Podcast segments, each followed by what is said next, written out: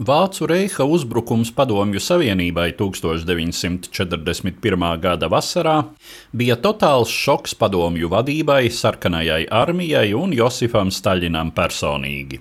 Fronte strauji virzījās dziļāk padomju teritorijā, jau 9. septembrī Wehrmachts pārtrauca Ļeņingradas, otras lielākās Krievijas pilsētas, sakarus ar pārējo padomju teritoriju. Sākās 872 dienas ilgā Ļeņingradas blokāde, kuru piesauc kā vienu no smagākajām humānajām katastrofām cilvēces vēsturē. Tiek lēsts, ka bats un augstums ielēgtajā pilsētā prasīs vismaz miljona ļeņingradiešu dzīvības. Kā daudzi citi, blokādes sākumu Ļeņingradā sagaidīja arī komponists Dmitrijs Šostakovičs. 17. septembrī viņš uzrunāja savus līdzpilsoņus pilsētas radiofonā. Час тому назад я закончил партитуру двух частей большого симфонического сочинения. Если это сочинение мне удастся написать хорошо, удастся закончить третью и четвертую части, то тогда можно будет назвать это сочинение седьмой симфонией. Pirms stundas es pabeidzu liela simfoniska sacerējuma divu daļu partitūru. Ja šo sacerējumu man izdosies labi uzrakstīt, izdosies pabeigt trešo un ceturto daļu, tad varbūt es šo sacerējumu varēšu saukt par savu septīto simfoniju. Kāpēc es to pavēstu? Tāpēc, lai radioklausītāji, kuri mani tagad dzird, zinātu, ka mūsu pilsētas dzīve rit normāli. Mēs visi šobrīd esam savā kaujas postenī. Padomju mūziķi, mani daudzie un dārgie ieroču biedri, mani draugi. Atcerieties, ka mūsu mākslai šobrīd draud lielas briesmas. Tad nu aizstāvēsim mūsu mūziku, strādāsim krietni un pašaizliedzīgi. Oktobra nogalē komponists kopā ar ģimeni tomēr pameta ielēgto pilsētu, pārceldamies uz Kuibiševu pie Volgas. Šeit viņš pabeidza savu septīto, dodot tai Ļeņingradas simfonijas vārdu. Šeit skaņdarbs arī piedzīvoja pirmatskaņojumu 1942. gada 5. martā.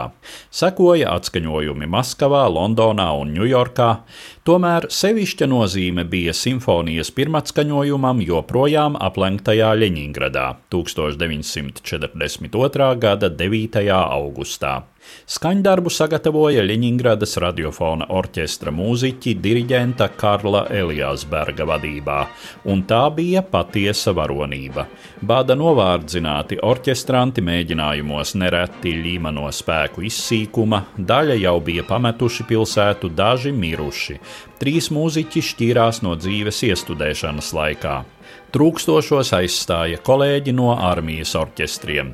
Pirmatskaņojumu pārraidīja pilsētas radiofons, atskaņoja reproduktori ielās un arī jaudīgi skaļruņi frontes līnijā, tā lai dzirdētu arī aplencēji. No vienas puses tas bija padomju propagandas žests, taču arī tik nepieciešamā gara spēka avots aplenktās pilsētas iedzīvotājiem. Bye.